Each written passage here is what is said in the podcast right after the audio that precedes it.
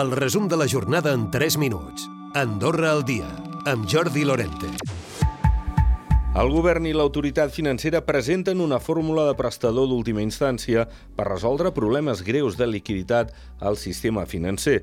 Es tira endavant amb la garantia de les reserves internacionals de què disposa l'Estat i després que no hagin cristal·litzat els contactes amb bancs de fora.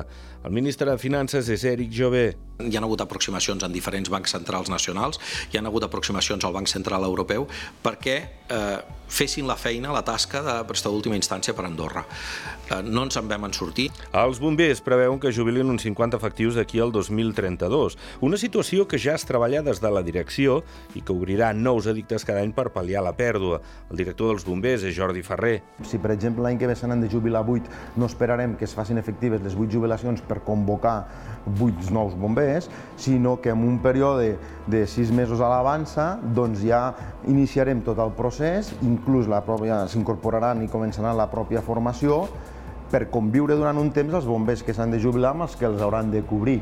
Els bombers que han hagut de rescatar, per cert, 5 persones aquest estiu que s'havien perdut, 20 que havien tingut algun incident fent senderisme i 21 que estaven fent BTT o escalada. Finalment, seran 600.000 euros i no 800.000, com anunciava el cap de govern en el debat d'orientació política, l'inversió que hauran de fer el país aquelles persones que vulguin obtenir la residència passiva. Així ho han acordat els grups parlamentaris de la majoria. El president del grup parlamentari de Ciutadans Compromesos, Carles Naudi, en parlava. Ens feia una mica de por que, que passar de 400 a 800 signifiqués un, una frenada en sec, no? I aleshores fem-ho pas a pas i a veure com evoluciona. Aquest canvi arriba després eh, de la presentació d'una de les esmenes que la majoria ha fet a la llei d'economia digital.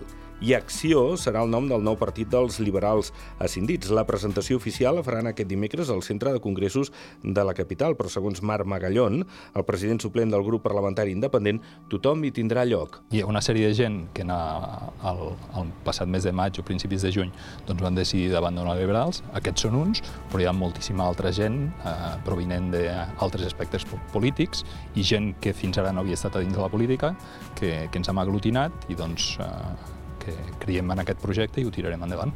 Una nova formació que neix amb comitès en cinc de les parròquies, totes menys Ordino i Canillo.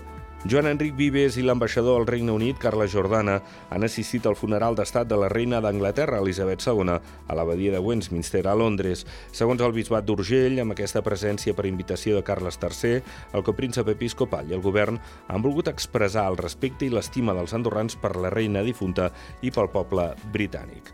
I Andorra continua de moda aquest estiu, especialment a l'agost, 1.140.000 visitants. Això sí, canvi de tendència. Venen més francesos que no pas espanyols. Palafolls. Recupera el resum de la jornada cada dia a Difusió.